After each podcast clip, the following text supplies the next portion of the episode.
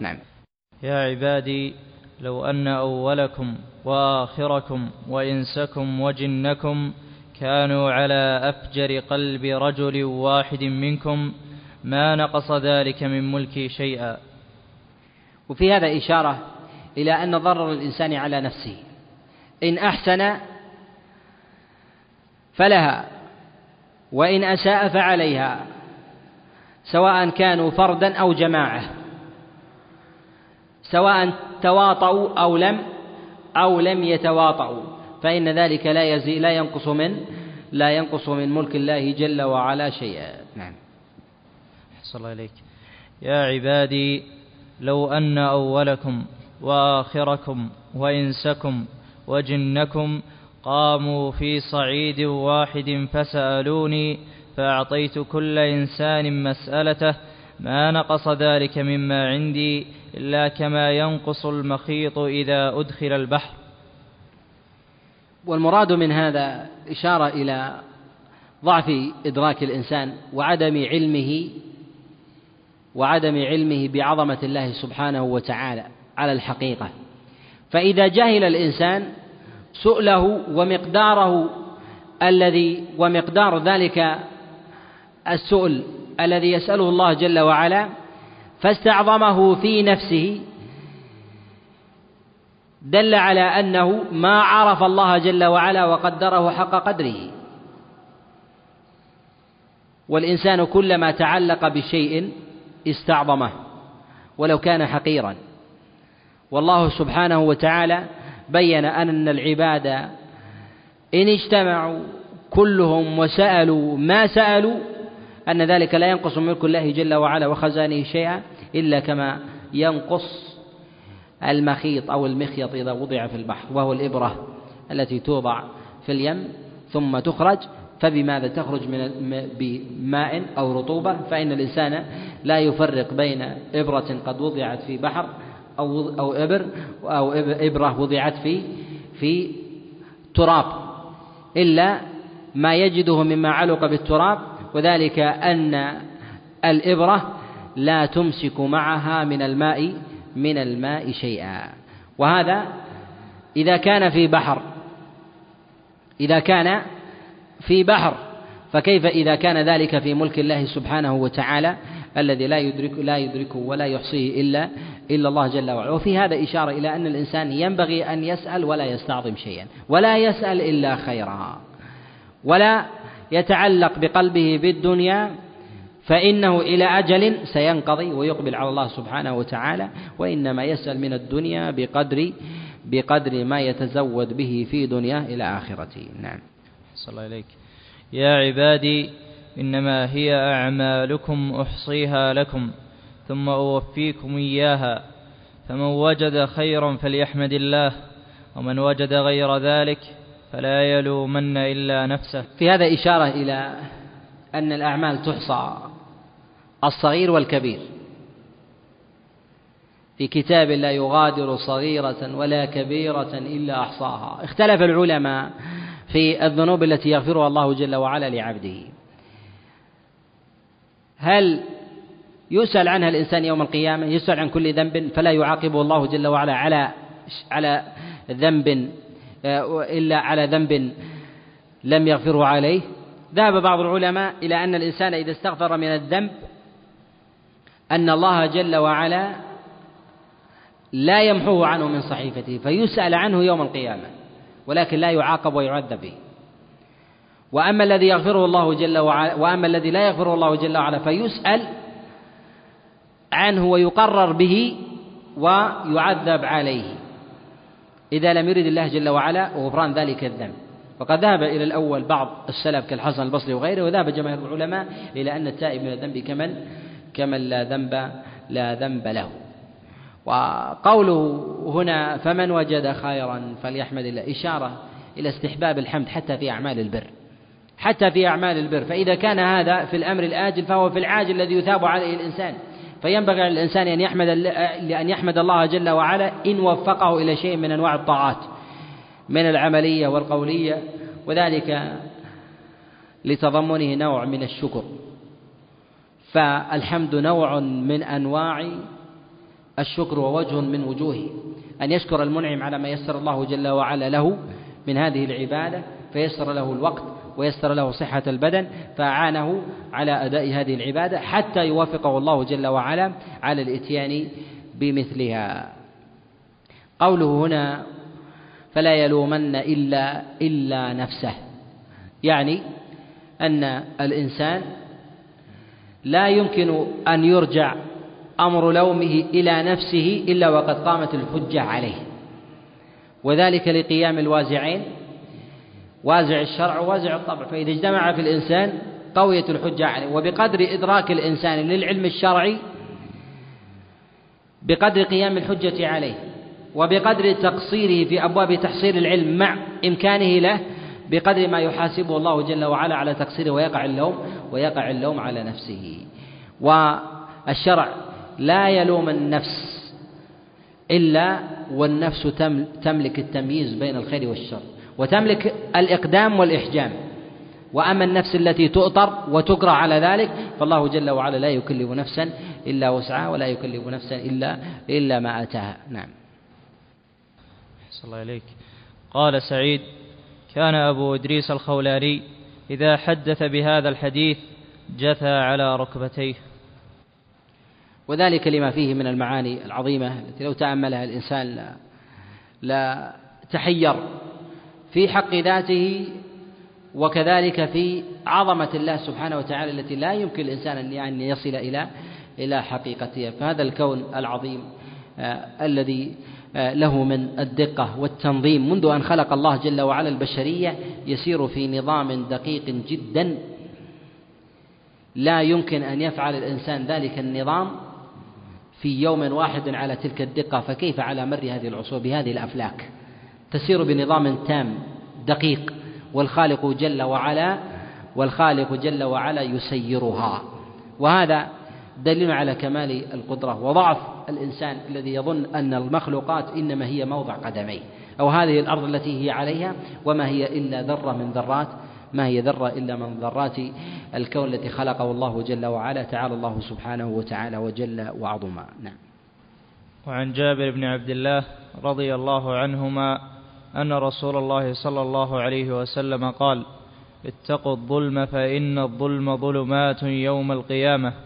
واتقوا الشح فإن الشح أهلك من كان قبلكم.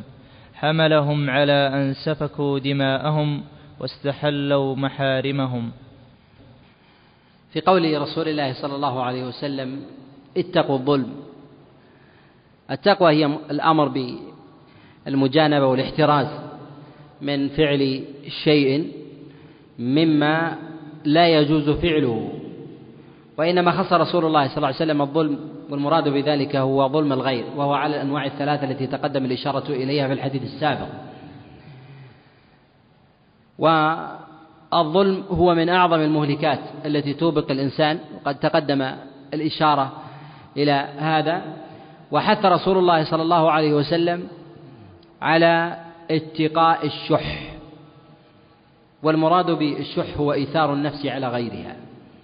في سائر أنواع الحظوظ سواء كان ذلك في الأموال أو كان ذلك في غيرها من أمور الجاه وغير ذلك.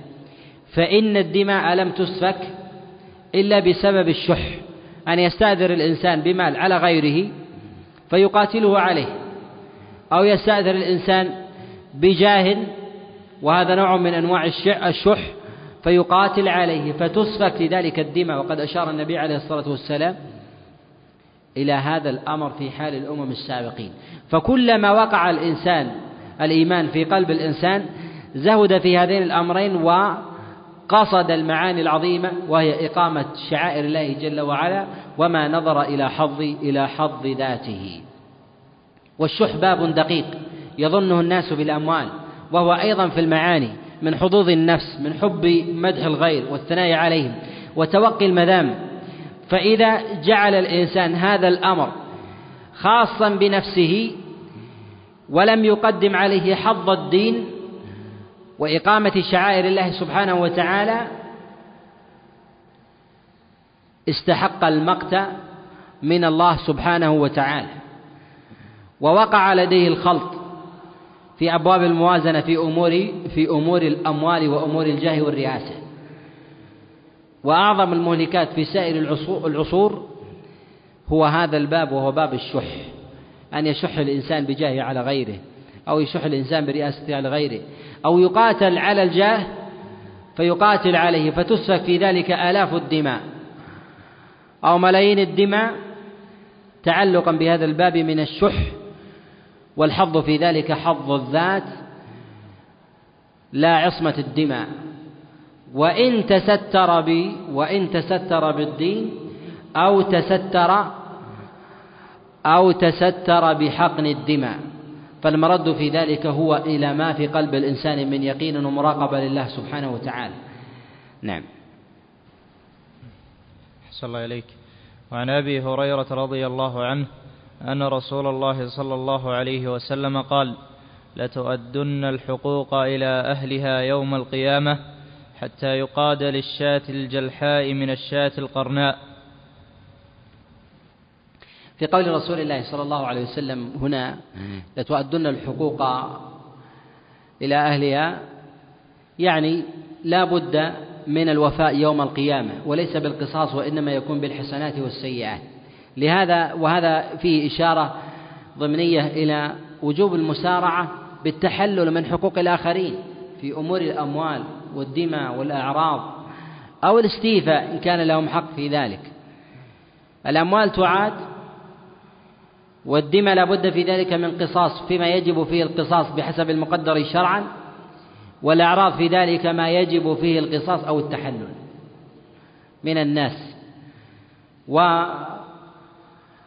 وذكر النبي عليه الصلاة والسلام للقصاص الذي يكون بين البهائم متضمن لي أن هذه البهائم فيها نوع تكليف. فيها نوع فيها نوع تكليف. والتكليف لا تخاطب بالعبادات وإنما تخاطب في حقوقها فيما بينها. فيما بينها. لا تعتدي بهيمة على أخرى. قد يقول قائل إذا ما حال الأسد؟ وما حال الحيوانات المفترسة؟ وهي مجبولة مخلوقة لأن تعتدي على دماء غيرها. يقال أن هذه البهائم جعل رزقها في مثل هذا الموضع. في مثل هذا الموضع. كما يجعل رزق الإنسان في الشاة يذبحها. وفي الناقة ينحرها ليأكلها. بخلاف التعدي والعدوان. فالتعدي والعدوان يحاسب يحاسب عليه الإنسان. والبهائم فيما بينها على الباب المقدر من أبواب من أبواب العدوان. وهذا غاية عدل الله سبحانه وتعالى. وفي هذا أيضا أن البهائم تعلم من حام شأنها وحقوقها ربما ما لا يعلمه بنو آدم وربما تعلم أيضا من أمر الآخرة وقيام الساعة ما لا يعلمه بنو آدم وقد تقدم الإشارة إلى هذا الأمر والحديث فيه فيه إشارة إلى غاية عدل الله سبحانه وتعالى وتمام الإنصاف بين العباد وأن الله جل وعلا لا يفوت لعبد حقا. ويوم القيامة فالنفوس تريد المزيد بالمراتب وتريد النجاة فإن الإنسان إذا أقبل على ميزان لا يدري هل يزيد أم ينقص. فيقول لمن له عليه حق أعطني حسنة وأعطني وخذ سيئة لأن أمامه ميزان فلا يدري ما حاله. ولهذا حقوق العباد مبنية مبنية على المشاحة وحق الله جل وعلا مبني على المسامحة. فينبغي الإنسان أن يتحلل. من حقوق العباد وأن يبادر بالوفاء وإعادتها إلى أهلها حتى يسلم له تسلم له حسناته ويغفر الله جل وعلا له زلاته. وبهذا القدر كفاية والله أعلم. وصلى الله وسلم وبارك على نبينا محمد. بسم الله الرحمن الرحيم. والحمد لله رب العالمين. والصلاة والسلام على رسول الله وعلى آله وصحبه ومن تبعهم بإحسان إلى يوم الدين. اللهم اغفر لنا ولشيخنا وللحاضرين وللمستمعين برحمتك يا أرحم الراحمين. قال المؤلف رحمه الله تعالى وعن أبي ذر رضي الله عنه قال قال رسول الله صلى الله عليه وسلم يا أبا ذر إذا طبخت مرقة فأكثر ماءها وتعاهد جيرانك. الحمد لله رب العالمين وصلى الله وسلم وبارك على نبينا محمد وعلى آله وأصحابه ومن تبعهم بإحسان إلى يوم الدين. أما بعد فهذا الحديث هو في بيان فضل الجار وحقه وقد تقدم معنا مرارا الإشارة إلى شيء من ذلك منها ما جاء رسول الله صلى الله عليه وسلم في بيان صلة الجار وفضله من كان يؤمن بالله واليوم الآخر. فليكرم فليكرم ضيفه من كان يؤمن بالله واليوم الآخر فلا يؤذي جاره. وفضل الإحسان إلى الجار الأحاديث في ذلك متواترة وقد جاء في ذلك أحاديث متنوعة في بيان الفضل المؤدى. وكذلك من أجل ما جاء في هذا عن رسول الله صلى الله عليه وسلم ما ثبت في الصحيح النبي عليه الصلاة والسلام ما زال يقول ما زال جبريل يوصيني في الجار حتى ظننت أنه سيورثه. والمراد من ذلك أنه سيجعله من جملة الورثة الذين يرثون الإنسان بعد وفاته كأبنائه وبناته وأزواجه وذلك لما له من حق.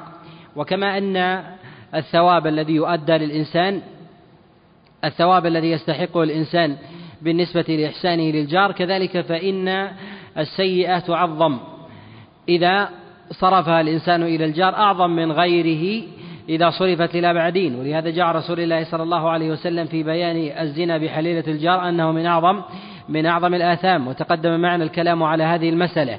والمراد من هذا أنه كلما قرب الإنسان من شخص وأمن من مكره فإن المكر به أعظم ممن كان يخشى ممن كان من الأبعدين. وهذا كما أنه في الجار كذلك أيضا في من دونه من المحارم. فالزنا المحارم أعظم الزنا وإن كان يدخل في دائرة الزنا ومن دونه كذلك ومن بعده كذلك كالجار بحسب قربهم. والجار على ثلاثة مراتب أو ثلاثة أو ثلاث درجات. الدرجة والمرتبة الأولى هو الجار المؤمن فله حق الإسلام والإيمان وحق الجوار. المرتبة الثانية الجار المؤمن القريب. فله ثلاثة حقوق حق الجوار وحق القرابة وحق الإسلام. والمرتبة الثالثة الجار الكافر. فإن له حق القرابة. فإن فإن له حق الجوار وليس له حق القرابة وليس له حق الإسلام. فيحسن إليه. وقد جاء الإحسان على سبيل العموم سواء كان ذلك للجار المسلم أو الجار الأبعد غير المسلم. وقد جاء ترتيب الجوار بحسب أقربهم بابا كما جاء في الصحيح من حديث عائشة عليه رضوان الله تعالى أنها قالت سألت رسول الله صلى الله عليه وسلم أي جيراني أحق؟ يعني في الطعام. فقال النبي عليه الصلاة والسلام أقربهما إليك بابا. وكلما قرب الجار من جاره كان أحق. أحق بالعطية والهبة وكذلك دفع الأذى. وأعظم الإحسان إلى الجار هو بذل المعروف إليه مع كف الأذى وتحمل الأذى. وهذه ثلاثة مراتب لا يمكن أن تتحقق في شخص إلا وتحقق فيه كمال الإحسان. وهي بذل الإحسان وكف الأذى وتحمل الأذى الصادر من الجار. وهذه وهذه أعلى أعلى المراتب. ولهذا قد جاء عن رسول الله صلى الله عليه وسلم أن رجلا جاءه فشكى إليه أذية جاره فقال النبي عليه الصلاة والسلام اصبر فكفى بالموت مفرقا يعني بينكم. وأما المرتبة من جهة الفضل بعد ذلك هو أن يكف الإنسان عن جاره الأذية فلا يبذل الإحسان فلا يبذل الإحسان وإذا آذاه انتصف بحقه منه. وهذا وهذا وإن كان مشروعا إلا إلا أنه فيه نوع نوع تقصير وذلك أن الإنسان إذا كان لا يصدر أذية إلى جاره ولا يبذل إحسانا ولكنه إن آذاه, إن آذاه الجار طلب الإنصاف من جاره بأخذ حقه. وقد جاء رسول الله صلى الله عليه وسلم في بيان بذل الحق للجار بخلاف الأبعد كما جاء في حديث أبي هريرة وهو في الصحيح قال لا يمنعن لا يمنعن جار جاره أن يغرز خشبة في جداره. والمراد من ذلك أن الإنسان إذا كان له جار فيستفيد من جداره إذا كان ليس في ذلك أذية ليس في ذلك أذية بسقوط ذلك الجدار أو تشويه ونحو ذلك أما بوضع حمله عليه أو تعليق شيء عليه فإن هذا مما لا يجوز مما لا يجوز أن يمنع الجار جاره من الاستفادة من ذلك. كذلك من باب أولى مسألة الاستظلال في الشجر أو الاستضاءة بالنور المتعدي ونحو ذلك إذا كان ذلك لا ينقص من حق الجار من حظ الجار حقا. ويلي ذلك مرتبة هو أن أن يكف الإنسان أذيته عن الجار ولكن لا يبذل إليه إحسانا ولا يتحمل منه ولا يتحمل منه الأذى ويطلب من ذلك الإنصاف.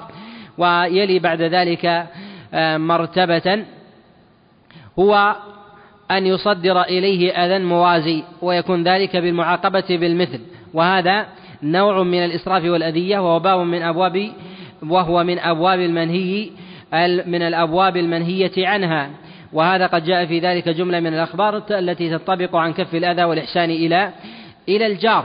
وقد جاء عن الحسن البصري عليه رحمة الله أنه قال ليس الإحسان إلى الجار هو كف الأذى وإنما تحمل الأذى. يعني إذا صدر إذا صدر من جارك أذى إليك فينبغي لك أن تتحمل ذلك الأذى. والخطاب الذي جاء في هذا الخبر عن رسول الله صلى الله عليه وسلم بإطعام الجار هنا مقيد بطبخ الإنسان. يعني إذا طبخ الإنسان طعاما فإنه يزيد من ماء حتى يحسن إلى الجار. وأعلى من ذلك مرتبة أن الإنسان يتعمد الجار بطبيخ خاص له. وإنما خص النبي عليه الصلاة والسلام ذلك باعتبار أنه هو الأغلب وذلك لاتفاق طعام الناس وجباتهم من من من طعام الغدوة وكذلك من طعام العشاء. فإن الإنسان إذا كان يتعاهد نفسه فإنه ينبغي له أن يتعاهد جيرانه. وهذا بحسب الحاجة وهو يختلف يختلف بحسب الأزمنة وكذلك الأمكنة وبحسب حاجة الناس. والمراد من ذلك هو إشباع الجار وسد حاجته وقد جاء رسول الله صلى الله عليه وسلم في ذلك جملة من الأخبار المشيرة إلى أن المقصود من ذلك هو سد آه، فاقة الجار. ولكن ثمة مقصد من هذا أيضا هو الإهداء أي إهداء الطعام. ولو كان الإنسان ولو كان الإنسان ليس من أهل الحاجة والفقر بأن يهدى له طعاما أو يهدى له حلوا وهذا من كمال الطعام. وهذا من أبواب الإحسان فهو عام. وإن كان المقصود في ظاهر الخبر هو سد الحاجة والجوع والإحسان فإنه يشمل أيضا ما هو أبعد من ذلك فإنه فإن أحرى بسل سخيمة الجار وكذلك الأمن من مكره فإن الإنسان إذا كان يقطع جاره ولو من شيء يسير فإنه يتهيأ. فالجار الذي لا يصل جاره بشيء من الطعام أو شيء من الهدية أو الصلة بدخول الدار ونحو ذلك. يكون بينهم من عدم الأمان والشك والريبة في ولو كان ذلك مما يعتاده الإنسان من إطلاق بصره عادة أو خروجه ودخوله والإكثار من ذلك. فإن الإنسان يقع في نفسه من الريبة بخلاف لو كان الإنسان يصل جاره ويعلم ويعلم حاله. فإن هذا موضع موضع للأمان. فإن أمثال هذه الصلة بطعام وكذلك سائر أنواع الهدايا من اللباس وغير ذلك فإن هذا مما يدفع الشرور الكثيرة التي لا تخطر على بال الإنسان عند عند ذلك. ولهذا حث عليها رسول الله صلى الله عليه وسلم. والهدايا من الأمور المحببة وهي في من دل الدليل على الإحسان إليهما بأولى. وقد جاء رسول الله صلى الله عليه وسلم في الموطأ السنن من حديث أبي هريرة أن النبي عليه الصلاة والسلام قال تهادوا تحابوا والمراد من ذلك أن الإنسان بقدر عنايته بهذا الباب من الإهداء بقدر ما يجلب ما يجلب قلوب الناس إليه بالمحبة والمودة وكذلك سل السخيمة الواردة على قلوب على قلوب الناس. وقد جاء في هذا خطاب من رسول الله صلى الله عليه وسلم إلى إلى النساء على سبيل الخصوص. كما جاء في الصحيح في قول النبي عليه الصلاة والسلام يا نساء المسلمين إذا طبخت إحداكن طعاما فلا تنسى جارتها ولو من فرسن شاة وفرسن بعير. والمراد من ذلك هو الحافر أو الخف أن تطبخه المرأة فتزيد عليه ماء ثم تطعم تطعم جارها. وذلك أن هذا في الأغلب لا يستفاد منه طعاما وإنما يغير يغير طعم الماء فيستفاد فيستفاد منه. والمراد من هذا أن الإنسان لا يحقر من المعروف شيئا خاصة خاصة في حق في حق الجار. وينبغي للإنسان أن يحسن إلى الجار على مراتبه الثلاثة التي تقدم الإشارة إليها وهي تتباين بحسب بحسب حظ الجار من جهة من جهة الوصف الشرعي. المأمور بالإحسان إليه. فأهل العداوة يتباينون من جهة عداوتهم وكذلك القرابة يتباينون من جهة قربهم للإنسان. فالأخ يختلف عن ابن العم وابن العم يختلف عن عن الأبعدين كابن الخالة وابن الخال ونحو ذلك. فإنهم يتباينون من جهة حظهم وحقهم في تقاسم في في تقاسم الوصل كذلك أيضا بالنسبة للجار يختلف من حسب من بحسب القرب. فالجار المجاور والملاصق يختلف عن من هو أبعد وكذلك الجار المواجه الذي يرى خلة جاره وعيبه يختلف عن غيره. ولهذا حث رسول الله صلى الله عليه وسلم على ستر الجار والأمن من الأمن منه. والأذية فيه المصدرة إلى عوراته وكذلك محارمه أعظم من الأذية المصدرة إلى غيره وإن كانت تدخل في أبواب الأذية التي يأثم يأثم بها الإنسان على سبيل على سبيل العموم.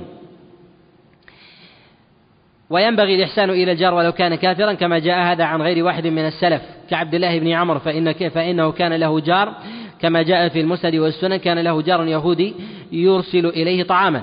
وروي هذا عن بعض السلف كمجاهد بن جبر وغيره. وقد جاء رسول الله صلى الله عليه وسلم أنه كان يدعى ممن حوله ولو كانوا ولو كانوا من الكفار فكان يصل جاره ويعوده كذلك ولو كان ولو كان يهوديا. وفي زيارة النبي عليه الصلاة والسلام للغلام اليهودي وإجابة النبي عليه الصلاة والسلام لليهودية التي دعته إلى طعامها مما يدل على مما يدل على جواز ذلك ومشروعيته تأليفا للقلب وبذلا للإحسان وبيانا أيضا لفضل الإسلام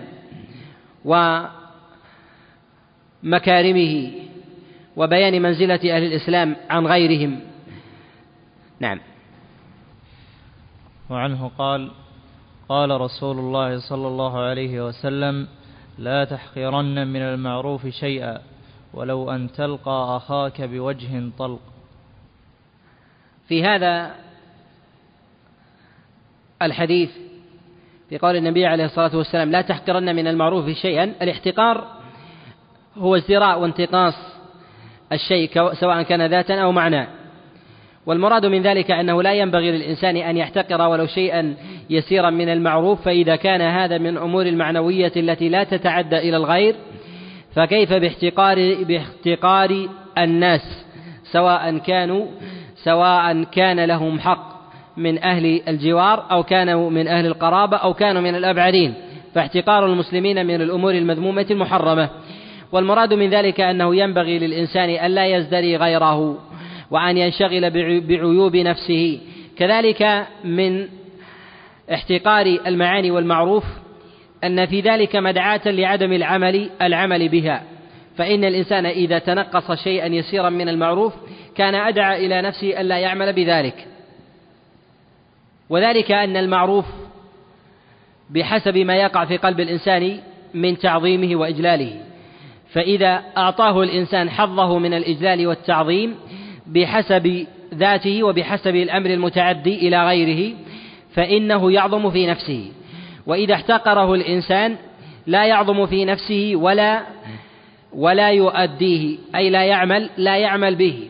والنبي عليه الصلاة والسلام جعل المعروف على السواء أنه ينبغي للإنسان ألا يحتقره وأن يعطيه قدره من جهة التقديم في أبواب التزاحم. وكذلك أيضا من جهة البذل فإن الإنسان إذا لم يتمكن من بذل المعروف العالي فإنه يأتي بالمعروف النازل. فإنه ربما دفع من دفع من الأذى وجلب من الإحسان والخير مما لا يخطر في في بال الإنسان. وقال النبي عليه الصلاة والسلام لا تحقرن من المعروف شيئا. المعروف هو سائر أنواع البر المبذولة سواء كانت لازمة أو متعدية. لازمة في الإنسان أو متعدية إلى غيره. وذلك أن الله جل وعلا ما شرعها للإنسان ورتب عليها من الثواب إلا وفيها منجاة للإنسان في عاجل أمره وآجله. والنبي عليه الصلاة والسلام إنما نهى عن احتقار المعروف للازم ذلك وهو عدم العمل به. يعني ينبغي الإنسان أن يعظم المعروف وأن يجعله في منزلته. فإن المعروف الصغير ربما يكون كبيرا في موضع. فبعض الناس لا يحسن أن يبذل الإنسان إليه مالا باعتبار أنه من أهل الغنى وعدم الحاجة أو العفاف والبذل وبذل المال إليه ربما يجعل في في قلبه غلا باعتبار أنه يظن أن هذا احتقارا له انتقاصا والابتسامة في حقه أعظم فإن المعروف بحسب الحال بحسب الحال وبحسب أثره المتعدي ولهذا نهى النبي عليه الصلاة والسلام عن احتقار عن احتقار المعروف. وقال النبي عليه الصلاة والسلام ولو أن تلقى أخاك بوجه طلق.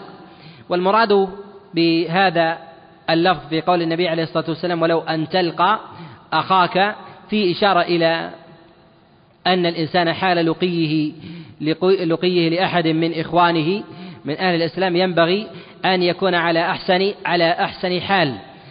سواء كان ذلك سواء كان ذلك من طلاقة الوجه أو كان ذلك من حسن المظهر. وذلك أن الإنسان إذا لقي غيره على سبيل التعمد بغير حسن مظهر فيه إشارة إلى الازدراء وعدم العناية فإن الإنسان إذا زاره زائر أو أو أو أتاه ضيف أو عاده صديق واستقبله بلباس لا يستقبل بمثله وإن كان يستر العورة ويدفع مواضع الحياء من جسم الإنسان إلا أن فيه إلا أن في ذلك اللباس من الأذية التي يجدها الإنسان بعدم تقديره وعدم احترامه ولو كان ولو كان من سطة الناس فإن هذا فيه أثر في أحوال الناس. فإن الإنسان إذا وجد الإنسان قد تهيأ له بملبس وأعد له متكئا من من مجلس ونحو ذلك فإن هذا من مواضع الإحسان والإكرام. كذلك أيضا ما كان لازما في الإنسان من بشاشة الوجه وعدم وعدم إظهار الإكفهار وكذلك الغضب أو الحنق وغير ذلك فإن هذا من الأمور المنصوصة المنصوص عليها شرعا وهي معروفة أيضا معروفة أيضا في في عرف الناس.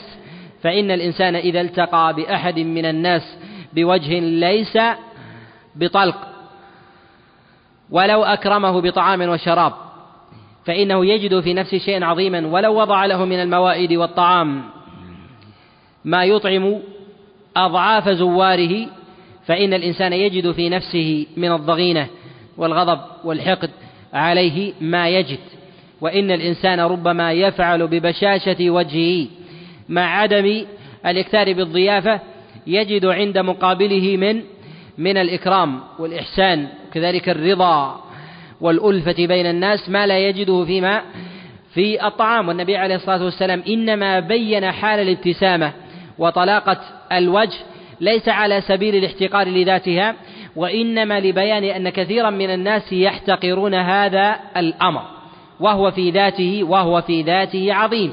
عظيم يعني من جهة من جهة الأثر. فإن الإنسان إذا ابتسم في وجه أحد وفي قلبه عليه شيء فإن ذلك من أعظم ما يسل السخيمة من قلوب الناس.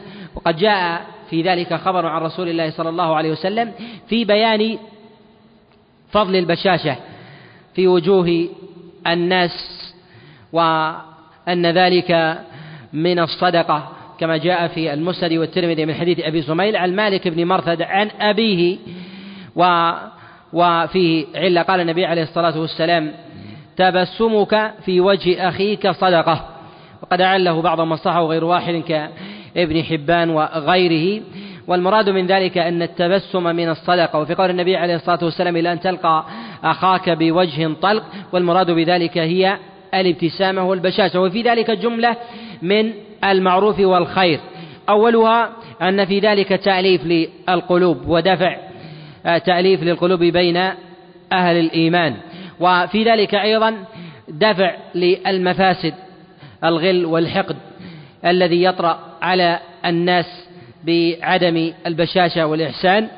وفي ذلك أيضا ما يظهر من فعل رسول الله صلى الله عليه وسلم في الصحيح حينما استاذن الرجل على رسول الله صلى الله عليه وسلم فقال النبي عليه الصلاة والسلام بئس أخو العشيرة. فلما دخل عليه عليه الصلاة والسلام قال قالت هش في وجهي وبش. يعني لأن معه عليه الصلاة والسلام. وقال النبي عليه الصلاة والسلام لما سئل عن ذلك قال شر الناس من تركه الناس اتقاء فحشه.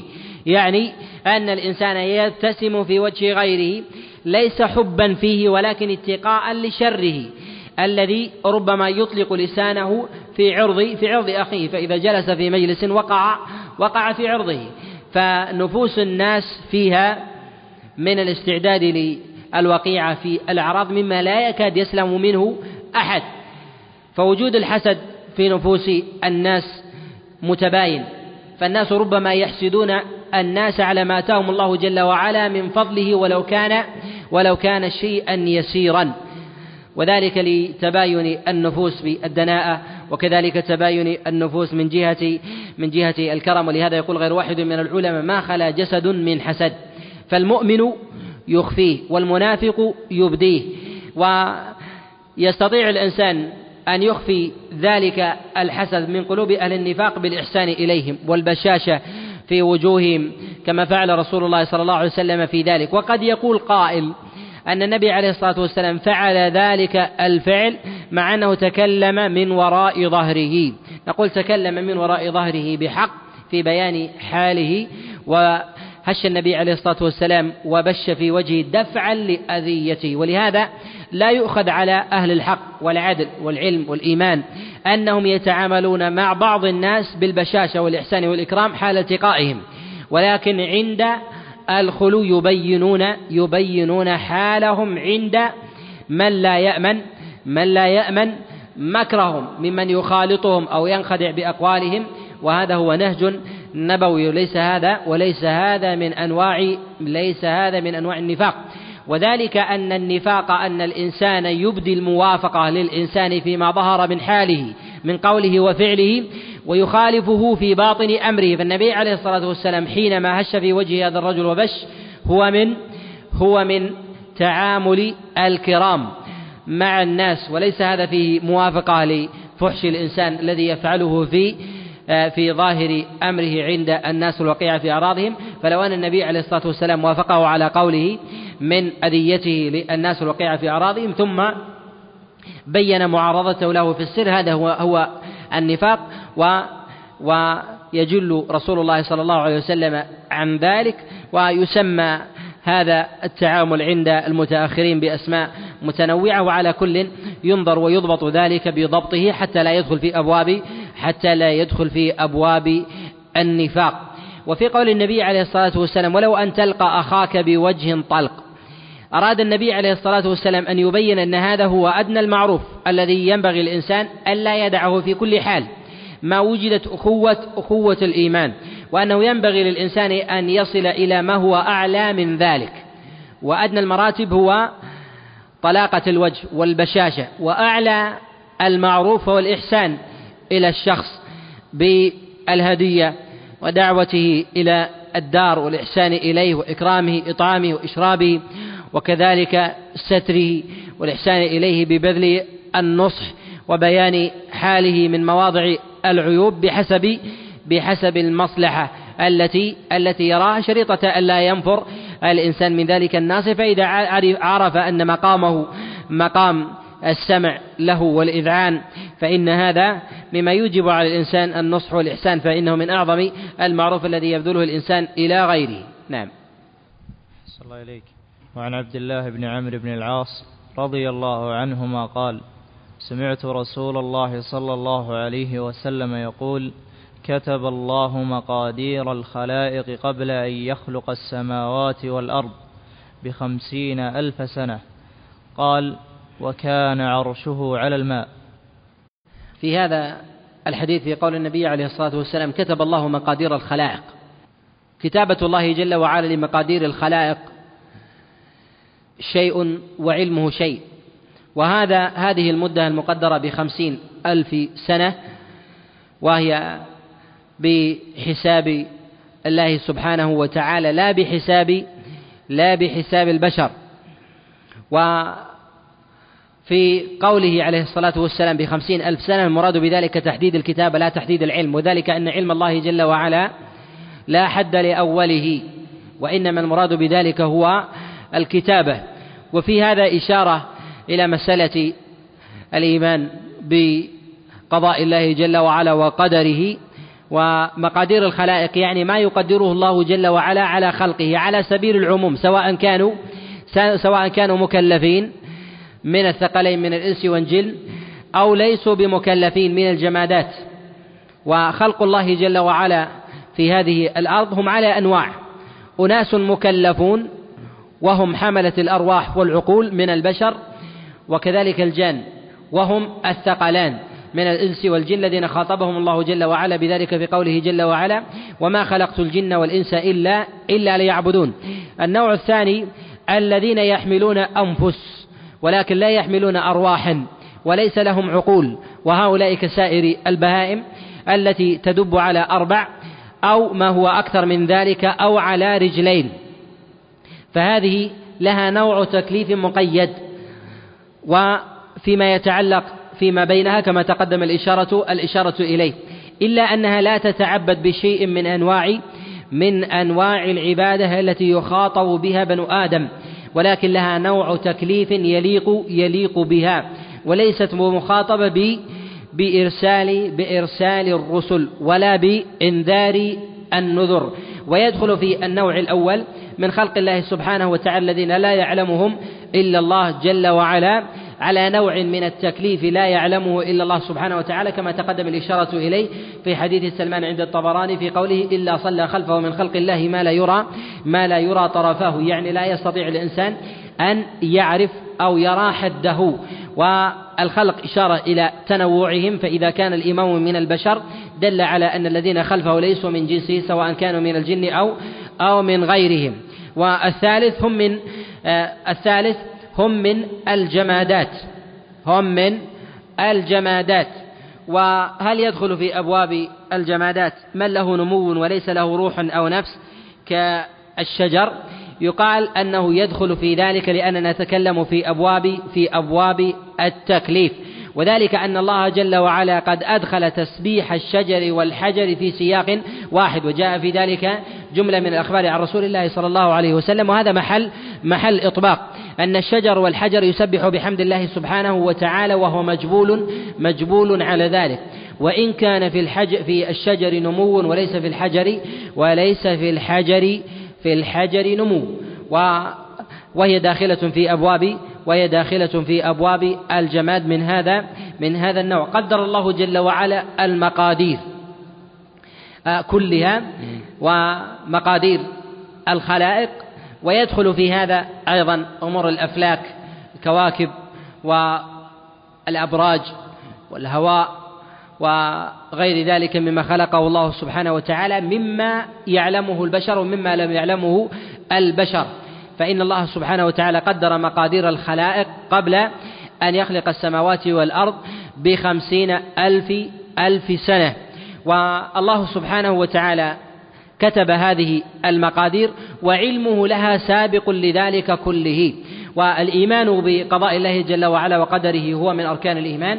وقد دل الدليل على ذلك عن رسول الله صلى الله عليه وسلم في مواضع عديدة.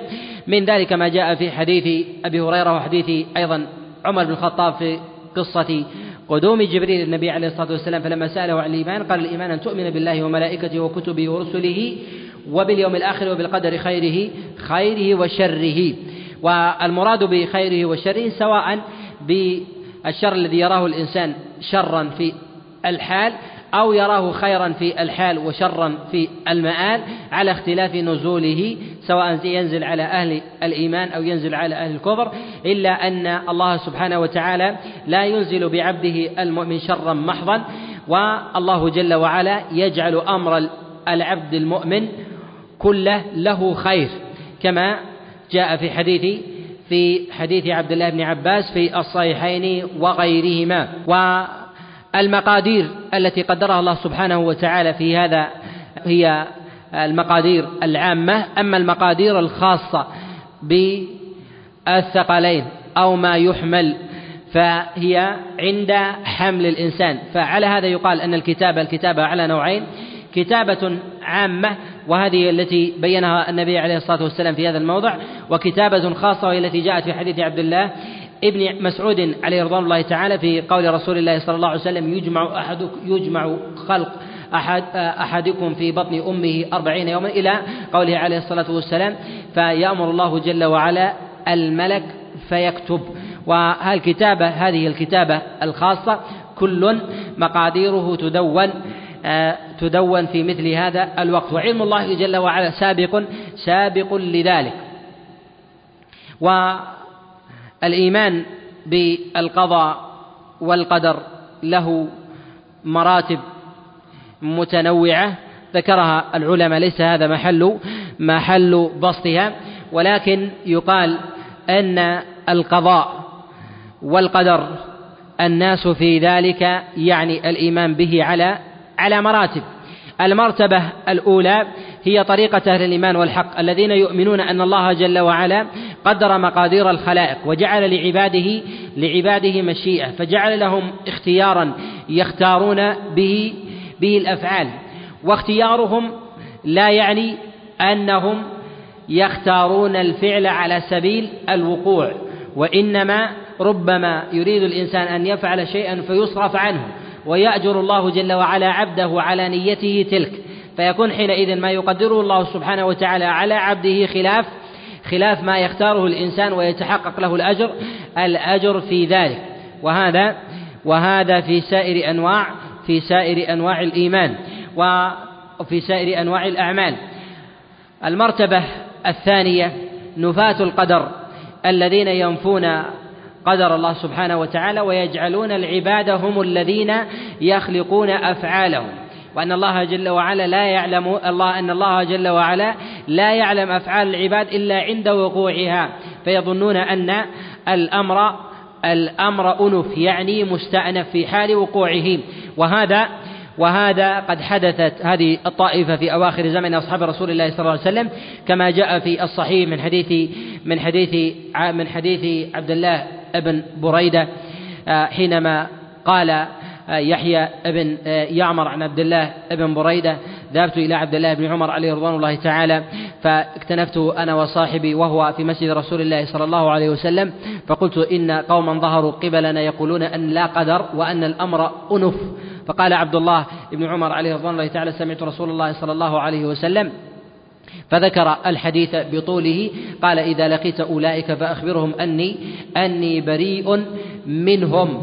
وفي هذا إشارة إلى أنه لا يمكن أن يتحقق في الإنسان الإيمان إلا بإيمانه بقضاء الله جل وعلا وقدره وأن لله سبحانه وتعالى العلم المطلق.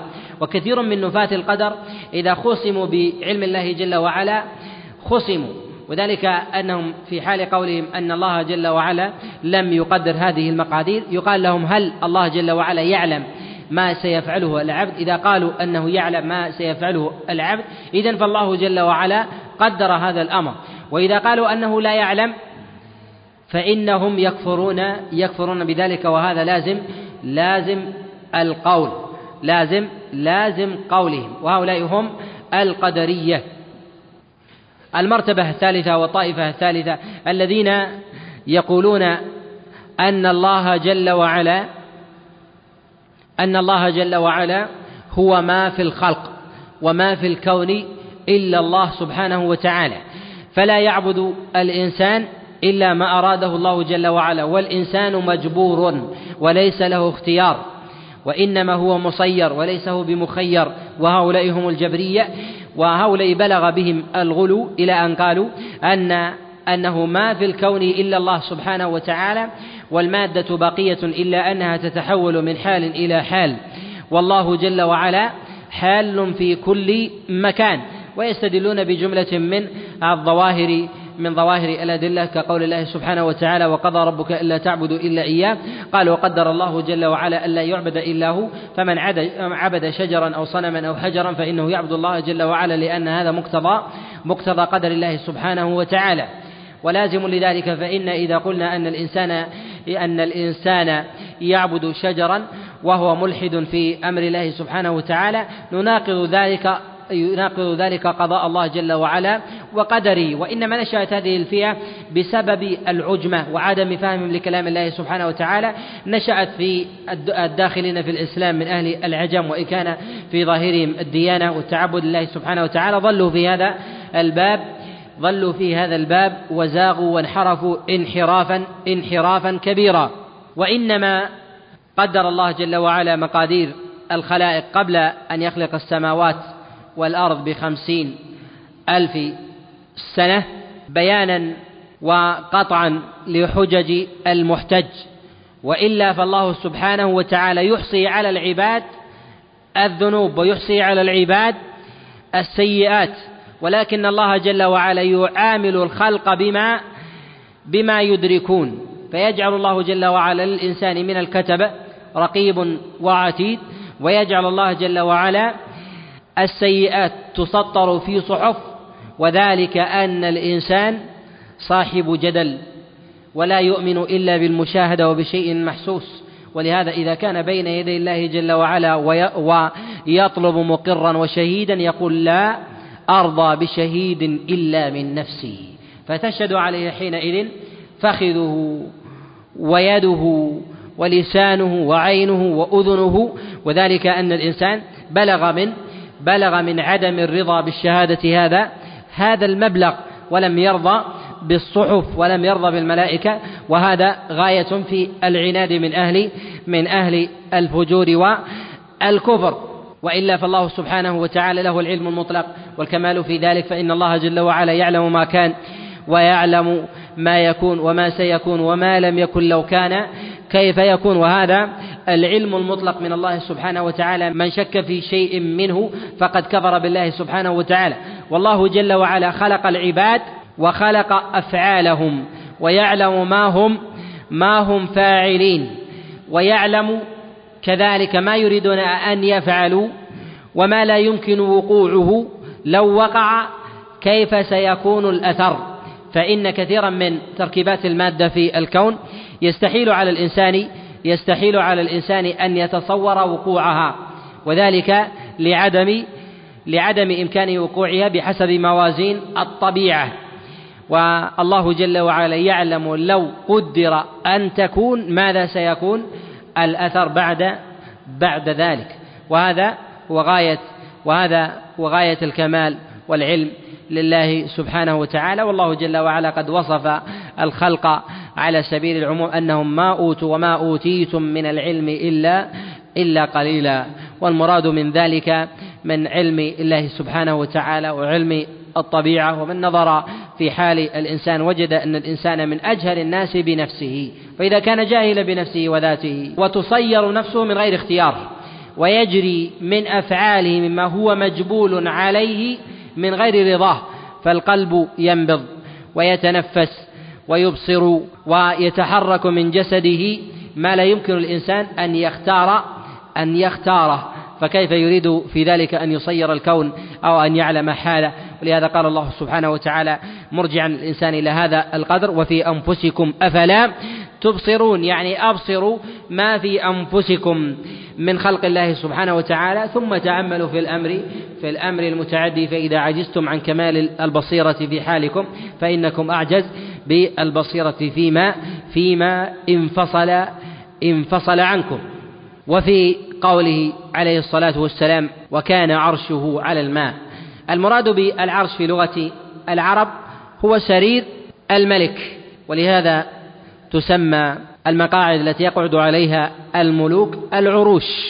والله سبحانه وتعالى له عرش استوى عليه استواء يليق بجلال بجلاله جل وعلا. وصف الله سبحانه وتعالى عرشه بصفات وصفه بالعرش العرش المجيد والكريم والعظيم. رب العرش الكريم رب العرش العظيم. وهذه صفات للعرش. له قوائم يحمل العرش ثمانية. جعلهم الله سبحانه وتعالى لحكمة والله جل وعلا غني عن خلقه وهو سقف العالم وسقف هذا الكون المشاهد وما أخبر الله سبحانه وتعالى عنه. وهل لله جل وعلا من الكون مما ليس في السماوات والأرض وما بينهما؟ يقال نعم له كون. والدليل على ذلك أن النبي عليه الصلاة والسلام يقول في دعائه عند الرفع من الركوع ملء السماوات والأرض وما بينهما وما شئت من شيء بعد. يعني أن لله سبحانه وتعالى الكون والخلق مما مما لا يدركه الإنسان مما لا يشاهده ومما لم يخبر الله جل وعلا عنه عنه عباده جل وتعالى. وتقدست أسماؤه سبحانه وتعالى وعرش الله جل وعلا على الماء والطوائف في أبواب استواء الله سبحانه وتعالى على مذاهب. أهل السنة يثبتون استواء الله جل وعلا استواء يليق بجلاله من غير تكييف ولا تمثيل ولا ولا تعطيل وعلى الحقيقة. وهو سبحانه وتعالى بعلمه مع عباده. وهو معكم أينما كنتم مع عباده بعلمه يعلم أحوالهم.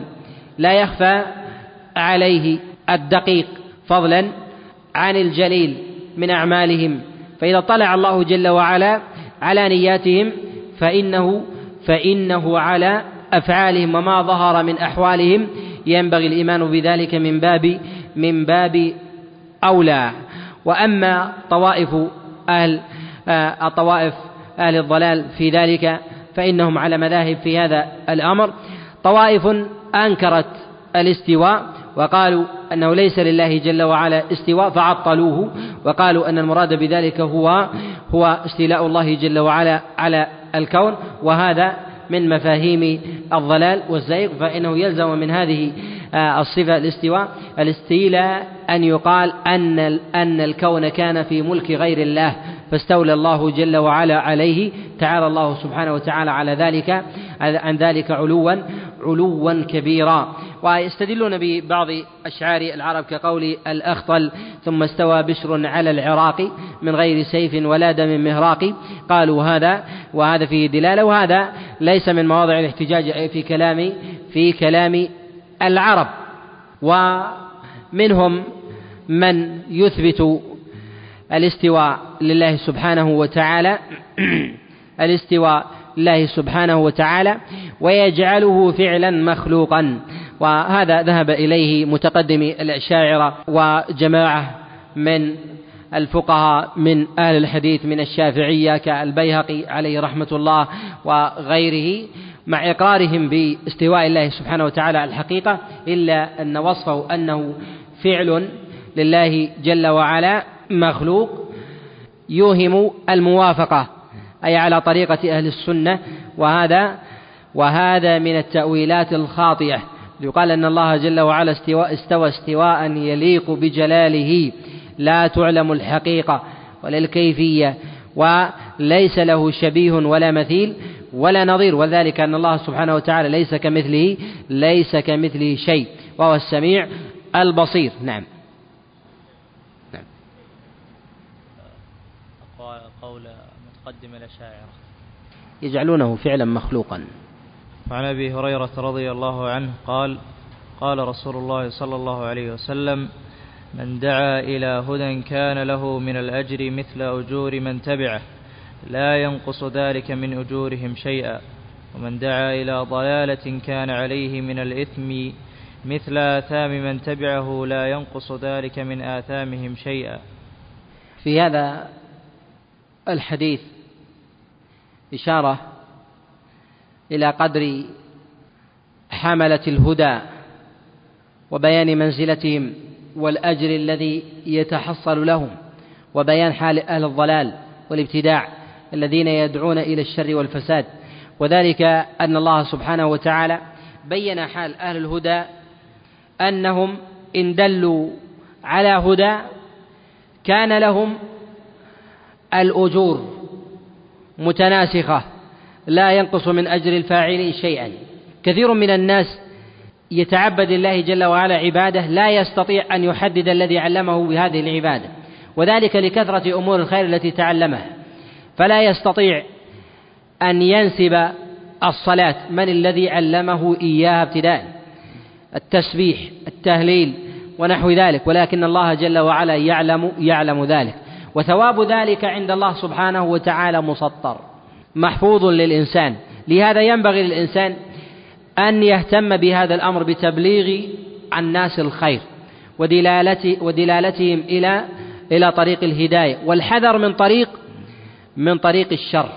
وذلك أنه كما أن الحسنة يؤتى الإنسان أجرها إلى قيام الساعة كذلك أيضا في السيئة يؤتى الإنسان وزرها إلى قيام الساعة. وهذا فيه بيان خطر زلل العالم وفتواه. بغير حق. وذلك أنه إذا قلده الناس على هذا الأمر فإنه يأثم بقدر إثمهم إذا لم تكن هذه المسألة من مواضع الاجتهاد. أو تعمد الخطأ مع رجحان قول عنده فإن هذا من مواضع من مواضع الإساءة إليه والوزر العظيم. فإن الإنسان لا يطيق الإثم اللازم الذي يقوم يقوم به بنفسه. فكيف بالإثم المتعدي؟ الذي يفعله الناس. وكثير من المنكرات تبقى في الناس دهرا والداعي واحد. فكأنه قد فكأن الناس فكأنه قد تجسد بالناس ففعل أفعالا وهو في ذاته واحد ويسأل عن سائر آثام الناس وأوزارهم. وهذا مستثنى من قوله سبحانه وتعالى ولا تزر وازرة وزر أخرى. يعني أنه يزر أوزار الناس لأنه دعاهم إلى الضلال. والإنسان يؤتى أجور الناس لأنه دعاهم دعاهم إلى الخير. ولهذا كان العلماء بالمرتبة العظيمة عند الله سبحانه وتعالى إن صدقوا مع الله جل وعلا يحشرون مع الأنبياء والصديقين. لماذا؟ لأن فيهم شبه من الأنبياء. وذلك أنهم كانوا هم الورثة ورثة الأنبياء بالعلم وكذلك ورثة الأنبياء من جهة الأثر في الناس. فالنبي عليه الصلاة والسلام ما فعل أحد من الناس عملا إلا وللنبي أجر من أبواب الخير. وما ترك الإنسان إثما محتسبا إلا والنبي عليه الصلاة والسلام في ذلك. كذلك العالم بقدر تبليغه تبليغه الخير للناس. فإن بلغ الخير ودعا الناس إليه ودعا المدعوون إلى الخير أيضا وبقي وإن مضى على ذلك قرون فإنهم يؤتون يؤتون الأجور. على التمام من غير أن ينقص من أجور شيئا. فكم من الناس من أهل العلم والدعوة والخير والهداية في قبورهم الناس تصلي لهم وتسبح لهم وتزكي لهم وتحج لهم من غير أن ينقص من أجورهم شيئا. وهذا يتجزأ أيضا بحسب بيان مسائل الدين.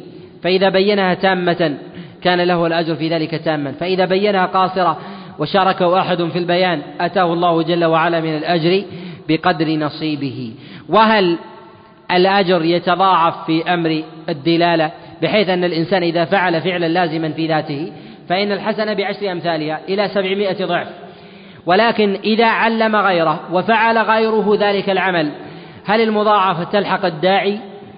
أم أن الأجر له لازم؟ يقال لا دليل على ذلك. لا دليل على المضاعفة. ولكن الأصل في ذلك أنه على السواء يحصل من من الأجر الذي تحصل للفاعل ما تحصل للمعلم والداعي.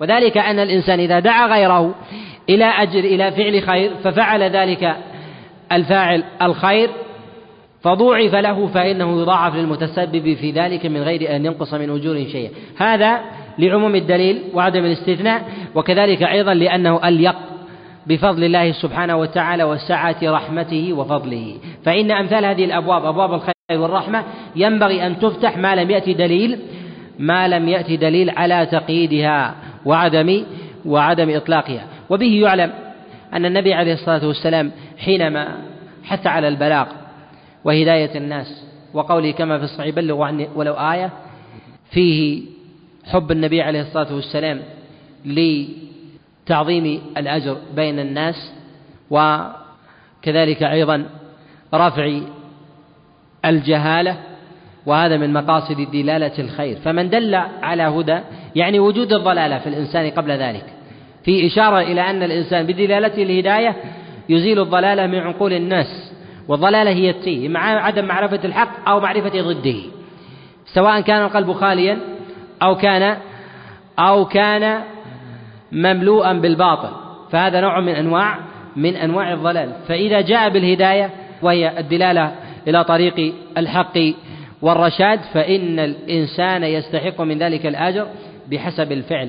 وإذا دل الإنسان غيره إلى الهداية ولم يعمل بها يعني غيره لم يعمل بهذه الدلالة فهل يؤجر على ذلك؟ أن نقول له أجر الدلالة. له له أجر الدلالة.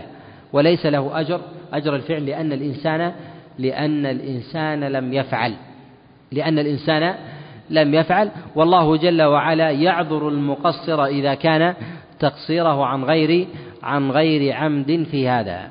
نعم. الله إليك. وعنه قال قال رسول الله صلى الله عليه وسلم من نفس عن مؤمن كربة من كرب الدنيا نفس الله عنه كربة من كرب يوم القيامة. وهذا فيه إشارة إلى الجزاء من جنس العمل. والتنفيس إشارة إلى الضيق والحرج في نفس الإنسان. فكأن الإنسان قد اشتد حرجه وضيقه وكتمت أنفاسه فنفس عنه هذه الكربة التي نزلت بالإنسان سواء كانت كربة في ماله أو في ولده أو في دينه أو في عرضه أو في أو في دمه. نفس الله عنه كربة من كرب يوم القيامة.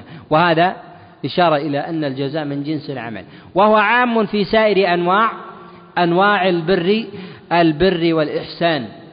سواء كان أيضا في أبواب البر والإحسان أو كان أيضا من أبواب من أبواب الآثام. فالجزاء فالجزاء من جنس من جنس العمل. وإنما قيد هنا بالمؤمن من نفس عن مؤمن كربة.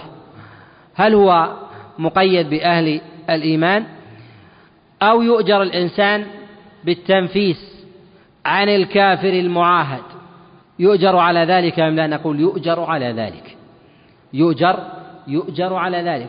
ولو كان ذلك بالتنفيس عن بهيمة فإنها نفس منفوسة. وقد تقدم معنا الإشارة إلى حديث أبي هريرة في المرأة التي سقت كلبا وهو كلب.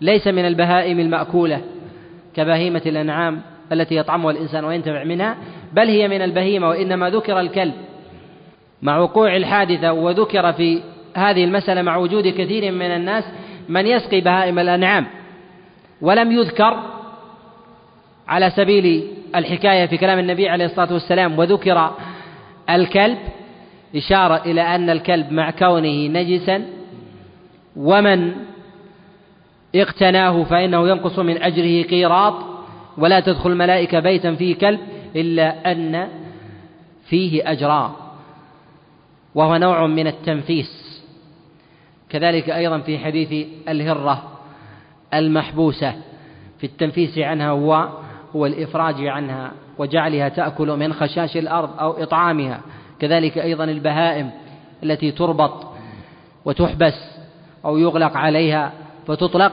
فإن في ذلك من الأجر بقدر بقدر احتساب الإنسان وكذلك بقدر بقدر تنفيس الكربة. نعم.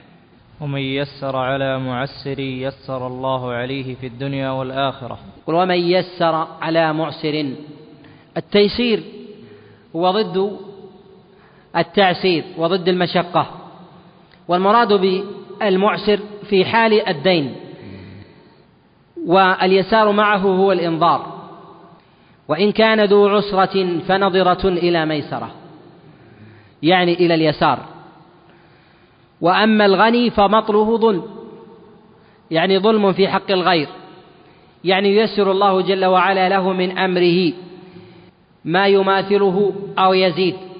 وذلك أن الله سبحانه وتعالى إذا يسر العبد لأخيه عسرا في ماله وأمهله وأنظره فإن الله جل وعلا ييسر عن الإنسان ما يقابل ذلك فربما ابتلي الإنسان بدين فيسر الله جل وعلا له من ييسر له ذلك الأمر. وإذا ضيق على عبد جعل الله جل وعلا له من يضيق عليه. والجزاء في ذلك من جنس العمل وهو أيضا في سائر أنواع العسر سواء كان في المال أو كان أيضا في العرض أو كان أيضا في الدماء. ومن اليسار في أمور الدماء أن ييسر الإنسان للشخص الذي يجد مشقة في استيفاء حقه فيمكنه من الوصول إلى حقه أو الوصول إلى ماله إذا أخذ منه بغير حق. ولهذا من أعظم ما ينبغي الإنسان أن يحتسب فيه في أمور المال. إذا جعله الله جل وعلا على ولاية ولاية أمنية كالشرط أو الأعراض من أهل الحسبة وغيرهم في فيجد في عمله تنفيسا في أمر الكربات أو تيسيرا للمعسر في أمره بإيصاله إلى حقه ونحو ذلك فإن هذا من أعظم من أعظم الثواب الذي ينبغي الإنسان أن يحتسبه. وكثير من أهل العمل في هذا الأمر لا يحتسبون ذلك وإنما يحتسبون العبادات الخالصة. كالصلاة والصيام والزكاة. ولا يحتسبون أمثال هذه الأعمال ويحرمون من ذلك خيرا كثيرا. نعم. ومن ستر مسلما ستره الله في الدنيا والآخرة. والستر في ذلك عام. ستر العورات عورات الأبدان عورات الأخلاق أو عورات الأموال أو عورات الدماء وغير ذلك بحسب الحق المتنازع. والأولى في ذلك أن يعطى أهل الحق حقهم. وإذا لم يكن ثمة حق لازم فستر المسلم في ذلك هو الواجب. والله جل وعلا يستر العبد بحسب ستره لغيره. ولهذا ينبغي للإنسان أن يحتسب في هذا الأمر. وأكثر الناس فضحا أكثرهم تتبعا لعورات الناس. أكثرهم تتبعا لعورات الناس ولو كان ذلك بحق. ولهذا نهى الله جل وعلا عن إشاعة الفاحشة بين الناس وجعل ذلك من أعظم من أعظم الذنوب الذي يستحق به الإنسان العقاب والعذاب في الدنيا في الدنيا والآخرة. عذاب الدنيا هو بهتك بهتك الستر. فإذا سمع الإنسان خبرا عن شخص فلا يسأل عنه إذا كان في ذلك عورة. في ذاته بنقل حكاية أو فحش وقع فيه فرآه الناس ألا ينقله بين الناس لأن هذا من عدم ستر الإنسان من ستر مسلما ستره الله في الدنيا والآخرة. وتقييد أهل الإيمان هنا يدخل في حكمهم من؟ ما, ما تم تقييده معا في أبواب القذف. ذكرنا في قذف الكافر التفريق بين المعاهد وما كان عندهم الأمر محرم وما ليس وما ليس بمحرم. المؤمن ستره واجب. الكافر تختلف حاله. الكافر الذي يؤخذ بجريرة الزنا وهو يرى إباحة الزنا ليس في ستره شيء وليس في ستره أجر. والرجل الذي يرى إباحة المحرمات من الكفرة ليس في ستره في ستره أجر. ولكن ينظر بحسب الأثر المتعدي في إشاعة الفاحشة بين بين أهل الإيمان. وأما الكافر الذي يحرم المحرم وهو من أهل العهد والذمة فإن ستره في ذلك واجب. فإن ستره في ذلك واجب. وإن كان دون وجوب أهل الإيمان وذلك لأمرين. الأمر الأول أن في عدم ستره إشاعة للفاحشة بين أهل الإيمان. وذلك أن محل أهل العهد والذمة هو في في مجتمعات أهل الإيمان يخالطونهم ويجالسونهم. وأخبارهم وأحوالهم تتناقل في في في أهل الإيمان بخلاف الأبعدين من أهل الحرب فإنهم لا لا ستر لهم عند أهل عند أهل الإيمان. الأمر الثاني أيضا أن في عدم ستر الكافر الذي يرى تحريم ذلك الفعل دفع له للوقوع في الزيادة في ذلك الفحش. وهذا ليس بمحبب والشريعة تدعو إلى استقامة الأعمال قدر الإمكان وانضباط حياة الناس. ولهذا تكرار الزنا من الكافر ولو كان كافرا غير محبب في نظام الإسلام. ولو كان كافرا أعطاه أهل الإسلام العهد والذمة. نعم. والله في عون العبد ما كان العبد في عون أخيه. قل والله في عون العبد. يعني يمده بالعون والإعانة يكون سندا له في أزماته وما يقع له من كرب. ما دام في عون أخيه ما دام يسعى في أحوال الناس. فإذا كان سعى في طعام يسر الله له رزقه وفي كساء يسر الله له كساء وفي ستر أحوال الناس وعوراتهم يسر الله جل وعلا له من يستر عورته. وهكذا. والجزاء في ذلك من جنس العمل. نعم. ومن سلك طريقا يلتمس فيه علما سهل الله له به طريقا إلى الجنة. وهذا تقدم الكلام معنا في سلوك طريق العلم ونهج الحق فإنه من أعظم أعمال البر وهو أيسر طريق يوصل إلى الجنة. فلا يمكن للإنسان أن يعلم فقه هذا الحديث إلا بسلوك طريق العلم ولا يمكن أن يتحقق للإنسان عمل صالح يؤجر عليه إلا بسلوك طريق العلم إليه.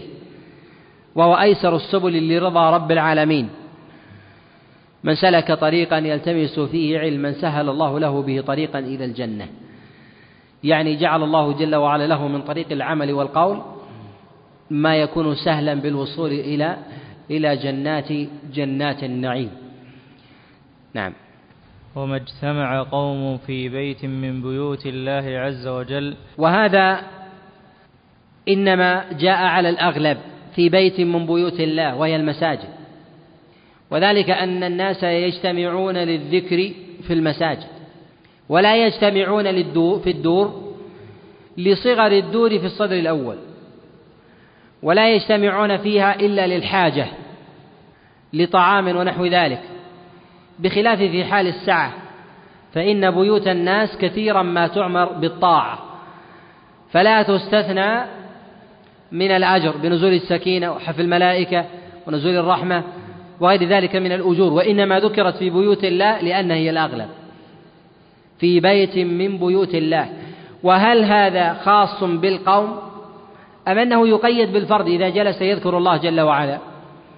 نقول إنما ذكر القوم في حال المدارسة وجلبا لي وحظا للاجتماع فإن كلما كثر الناس عظم الأجر ولكن لو جلس الواحد وذكر الله هل تنزل عليه السكينة وتحفه الملائكة؟ يقال نعم. يقال يقال نعم. نعم. يتلون كتاب الله ويتدارسونه بينهم. وفي هذا إشارة إلى ما تقدم الكلام عليه إلى أهمية مدارسة القرآن وفهم معانيه وعدم الاكتفاء بضبط حروفه. فإن ضبط الحروف مع عدم ضبط المعاني من أعظم المهلكات للإنسان ومظهرات الفساد في الناس. فإن أعظم ما يفسد من الناس في آخر الزمان الذي يضبط الحروف ولا يعرف المعاني سواء من القرآن أو من السنة. ولهذا ذكر النبي عليه الصلاة والسلام أنه في آخر الزمان شر الناس القراء الذين يقرؤون القرآن لكن لا يفهمون المعاني يستنبطون منها ما لا يريده الله جل وعلا. ومن السنة ما لا يريده رسول الله صلى الله عليه وسلم فيضلون في أنفسهم ويضلون غيرهم يتلون كتاب الله بيان فضل التلاوة وأجرها ويتدارسونه. وفيه أيضا فضل الاجتماع على التلاوة وفهم المعاني وأنه هو الأولى الذي ينبغي أن تكون عليه حلق الذكر. وكثير من الناس يريدون هذا الحديث في أبواب التلاوة ولا يريدونه في أبواب المعاني. وينبغي أن يقترن المعنى بضبط التلاوة. وتقدم الكلام معنا في هذا الأمر في حديث تعاهد تعاهد القرآن. وفي هذا الحديث إشارة إلى فضل الجماعة في حلق العلم والذكر. ولهذا قال يتدارسونه.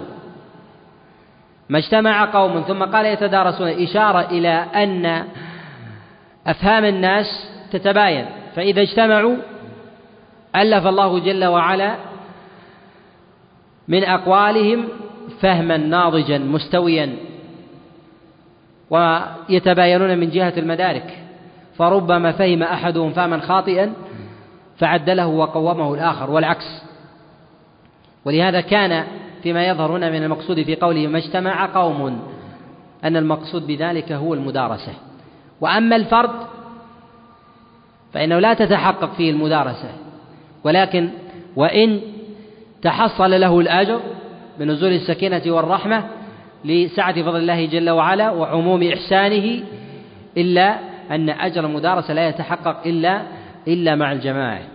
وكلما كثروا عظم الأجر والمثوبة. نعم.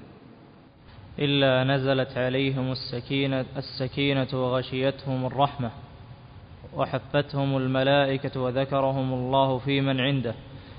ومن بطأ به عمله لم يسرع به. وذكرهم الله في من عنده وهم الملائكة. وقد جاء في الخبر القدسي ما إن ذكرني في نفسي ذكرته في نفسي. ذكرني في ملأ ذكرته في ملأ خير خير منه. وهذا فيه إشارة إلى أنه ما من ملأ في الأرض إلا وعند الله جل وعلا خير منه. وهذا حجة لمن قال أن الملائكة هم خير من صالح بني بني آدم. وهذه المسألة خلافية وليس هذا موضع موضع البسط لها. ولكن في قوله في ملأ خير منه هل هو على سبيل العموم؟ يقال أنه على سبيل العموم. وهل الملأ الذي خير منه يشمل الملائكة منصرف إلى الملائكة؟ أم إلى ملأ لا يعلمه أحد؟ فيكون هذا مثلا من ملأ الأرواح ممن أخذه الله جل وعلا من خيرة الخلق من أنبياء الله جل وعلا. فإن النبي عليه الصلاة والسلام حينما أسري به إلى السماء رأى الأنبياء كآدم ونوح ويونس وإبراهيم وموسى وعيسى رآهم بأجسادهم.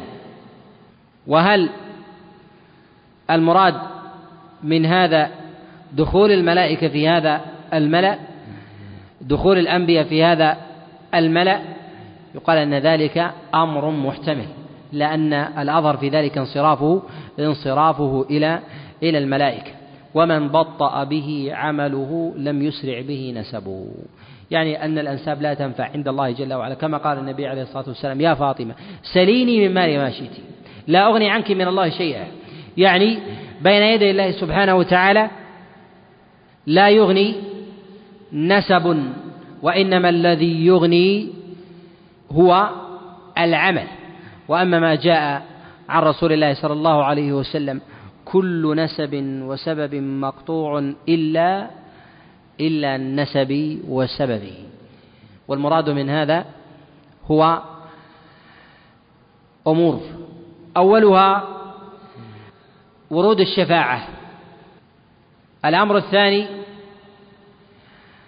أن الشفاعة في نسب رسول الله صلى الله عليه وسلم وذا تبع الأول في نسب رسول الله صلى الله عليه وسلم تقع على سبيل التخصيص.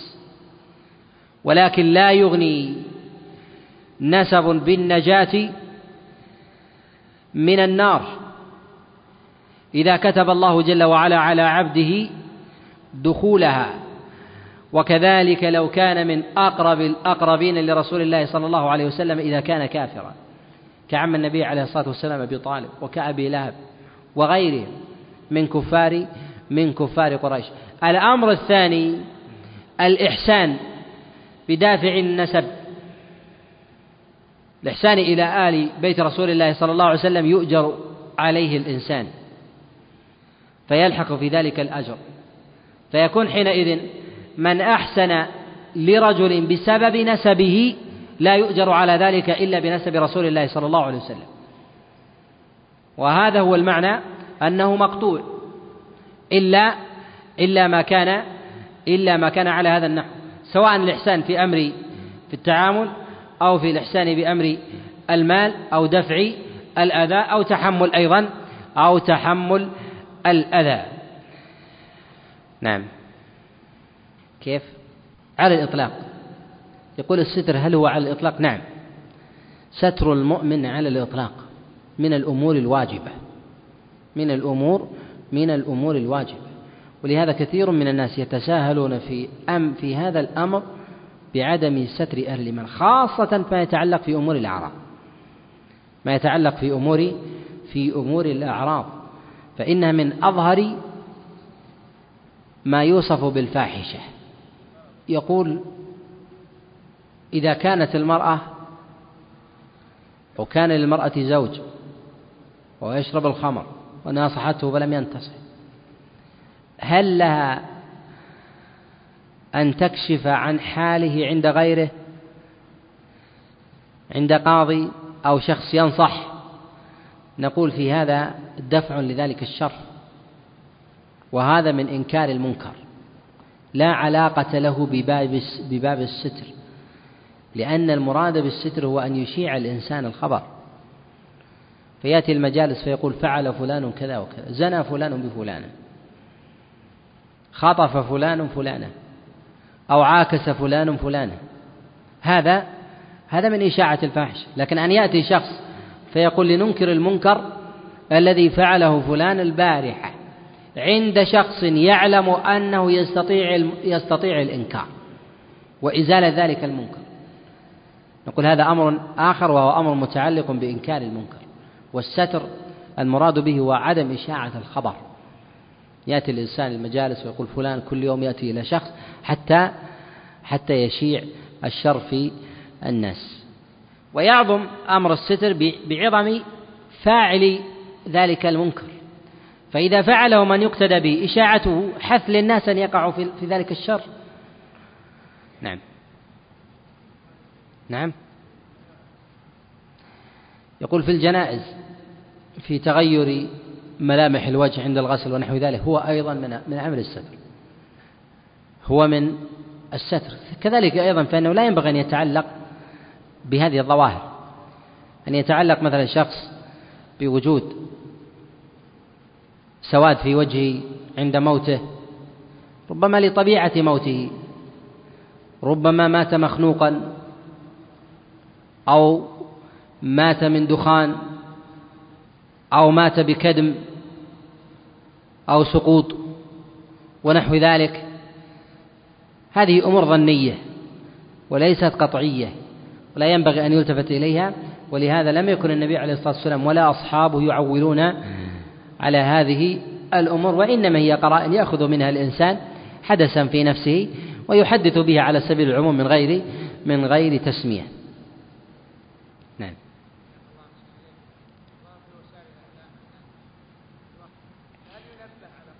مدعي العلم الفتوى الفقه يبين حاله وهذا من الأمور الواجبة. ذبا عن الدين.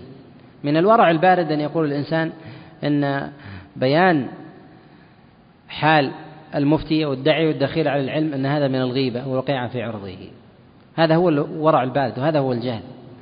تبين حاله ويبين حاله أنه من أهل الجهل والادعاء. ولكن بالأسلوب الذي يوصل الأمر من غير بغي من غير بغي ولا ولا عدوان. صلى الله وسلم وبارك على نبينا محمد. أخي المستمع الكريم تابع ما تبقى من مادة هذا الشريط على الشريط التالي. مع تحيات تسجيلات الراية الإسلامية بالرياض هاتف رقم أربعة تسعة واحد واحد تسعة ثمانية خمسة. والسلام عليكم ورحمة الله وبركاته.